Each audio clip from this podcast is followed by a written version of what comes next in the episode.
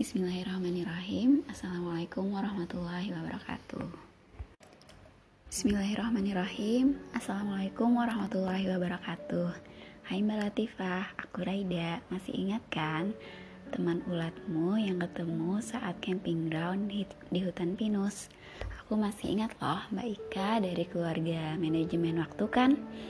Um, Di perkenalan kita sebelumnya Hal yang membuat aku berkesan dengan Mbak Latifah adalah saat kita chit chat sambil sama-sama pumping. Ya, jadi ceritanya kita sesama ibu yang juga bekerja di ranah publik dan tetap berusaha untuk memberikan cairan cinta terbaik untuk anak kesayangan kita.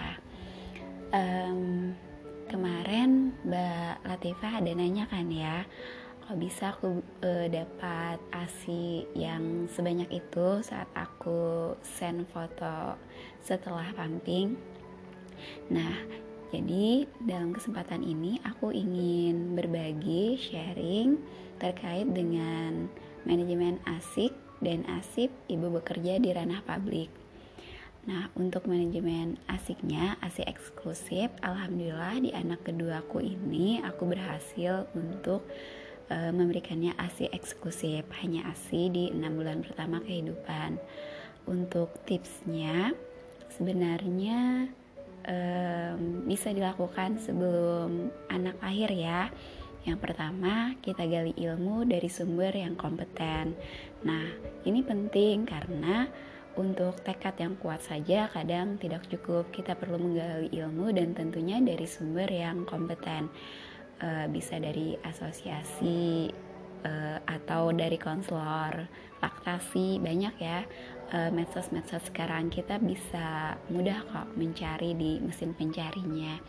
Kemudian juga yang tak kalah penting adalah yakin dan percaya diri bahwa kita mampu insya Allah kita mampu untuk memberikan asi ek eksklusif untuk anak kita Lalu yang ketiga adalah support system. Ini penting karena kita tidak bisa berjuang sendiri. Harus ada lingkungan sekitar kita yang mensupport langkah kita, yang mensupport perjuangan kita. Khususnya adalah suami. Jadi memang saat saya bekerja di ranah publik, suamilah yang um, mensupport saya baik langsung maupun tidak langsung. Uh, yang tidak langsungnya tentu saja berupa Eh, kata-kata uh, dukungan dan juga uh, saat saya bekerja di ranah publik itu langsung dari si suami yang memberikan asi perah kepada si bayi sehingga enam bulan pertama kehidupannya bisa mendapatkan asi eksklusif.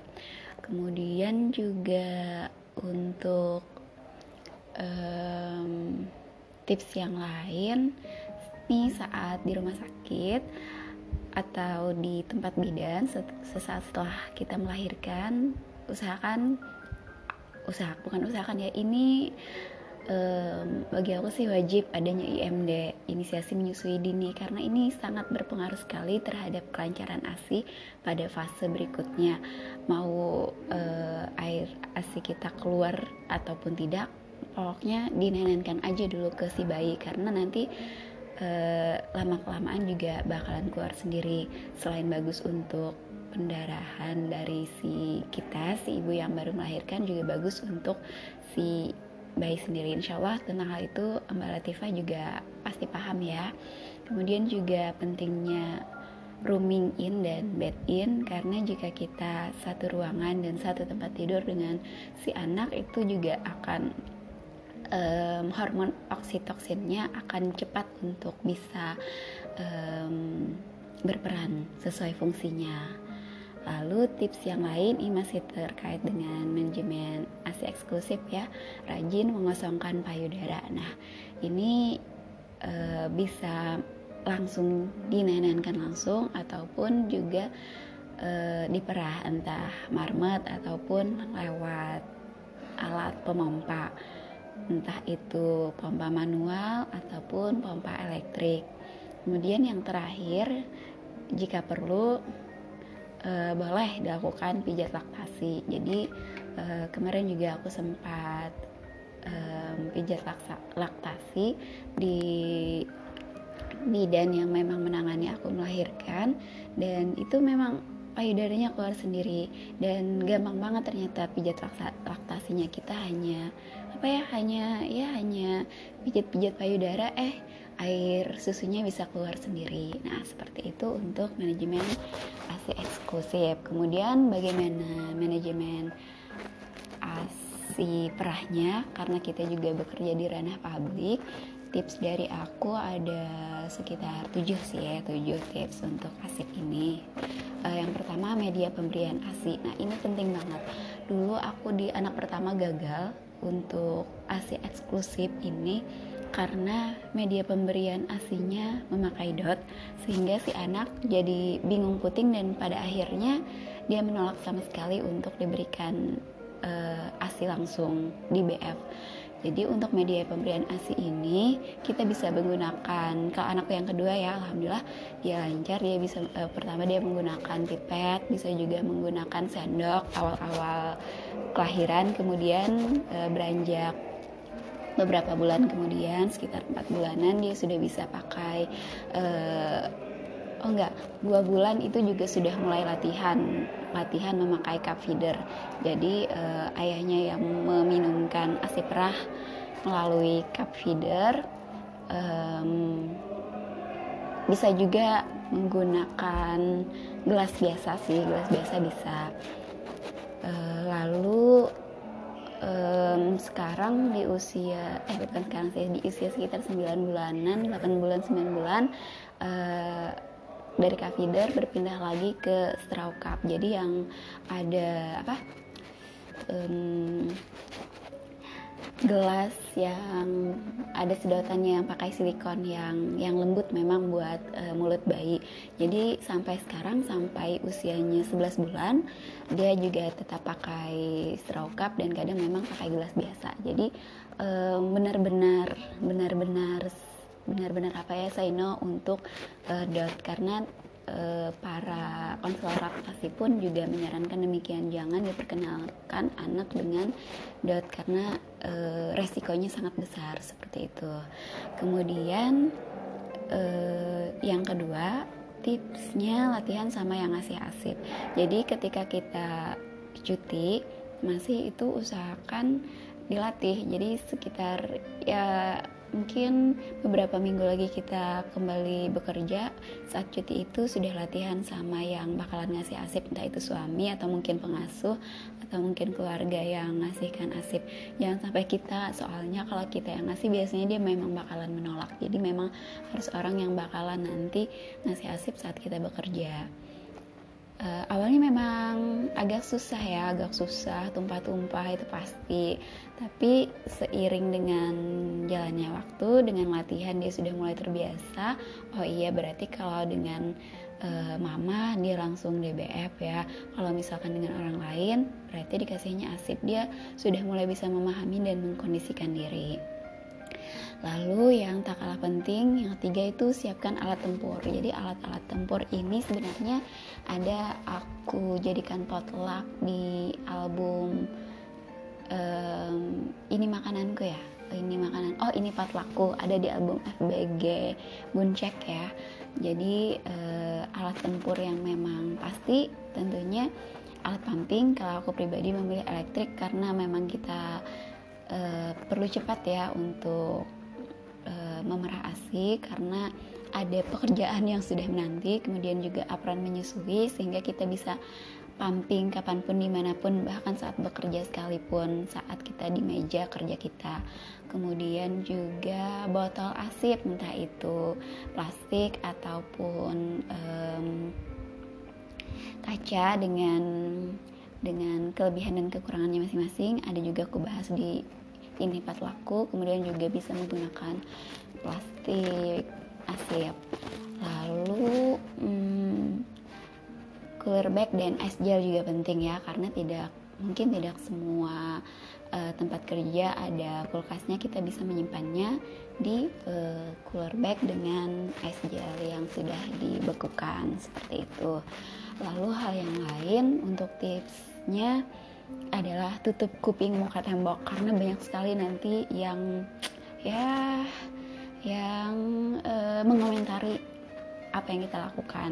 Kita kan berusaha untuk memberikan hasil dua tahun penuh ya, walaupun kita terkendala ruang dan waktu bersama anak.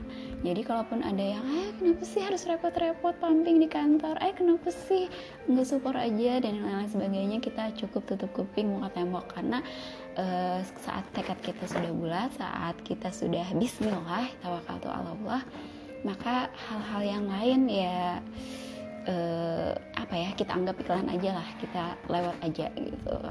Dan kemudian yang paling penting adalah konsisten. Saya sendiri juga masih PR banget terkait dengan konsisten ini karena kadang ada waktu-waktu yang sebenarnya kita sudah menetapkan jam sekian jam sekian waktu pumping kita tapi ternyata karena ada hal penting mendesak akhirnya terulur. Bahkan ada yang kadang ke Skype kayak gitu pumpingnya.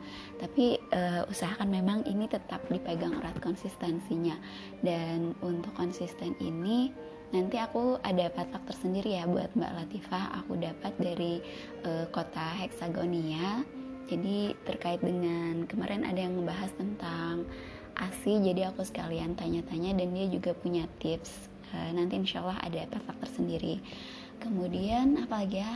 Um, telaten sih menurut aku. Jadi kita harus telaten untuk bisa um, benar-benar apa ya benar-benar saat kita di rumah seperti apa kemudian juga saat kita di kantor seperti apa kita gerak cepat uh, pumping is okay. Tapi usahakan juga tidak ada yang terbengkalai di kantor um, semua berjalan sebagaimana mestinya sehingga pimpinan ataupun rekan kerja juga tidak ada yang protes ya atau komplain seperti itu. Dan terakhir dari aku yang terpenting dan sangat penting adalah di BF saat jika sudah bersama bayi. Jadi uh, alat pumpingnya memang benar-benar tinggal aja di kantor. Kalau sudah sama baby itu kita usahakan bisa menyusui secara langsung karena selain pelekatannya juga dapat, psikologisnya juga dapat, akan berbeda ya karena memang um, pengosong payu pengosong payudara paling paling top sedunia adalah mulut bayi. Jadi usahakan kita saat bertemu bayi itu e, menyusui secara langsung. Nah, dengan seperti itu, dengan adanya manajemen ASI eksklusif maupun manajemen ASI perah ini, jik, e, selama ini ya selama 11 bulan aku menjalaninya, alhamdulillah e, untuk frekuensi ASIku e, cukup stabil. Jadi tidak tidak apa ya, tidak tidak menurun lah, tidak menurun drastis. Kalaupun menurun masih kisaran ya misalkan sekali pumping ya, kisarannya ya sekitar 120 sampai 200 mili kayak gitu. Ya kalaupun mungkin lagi stres itu memang ada sih yang sampai cuma cuma dapatnya 60. Cuma kalau memang dikondisikan lagi hatinya niatnya kemudian e, psikologisnya itu kembali nanti ya sekitaran e, 100 sampai 200 kali pumping bahkan ada yang sampai uh, 240-an kayak gitu. Jadi ya alhamdulillah lumayan sih. Cuma supaya kita tidak terbebani dan tidak stres juga ketika kita pumping pumping aja. Nggak usah mikirin volumenya. Karena insya Allah apa pun yang dikasihkan Tuhan ke kita berapapun yang kita bawa pulang milihnya untuk si baby itulah yang memang sesuai dengan keperluannya. Jadi eh, tidak harus banyak tapi insya Allah sesuai dengan kebutuhan dari bayi kita itu sendiri. Semoga bermanfaat ya Mbak Latifah. Itu saja dari aku. Terima kasih sudah menyimak sharing dari aku. Semoga berkenan. Assalamualaikum warahmatullahi wabarakatuh.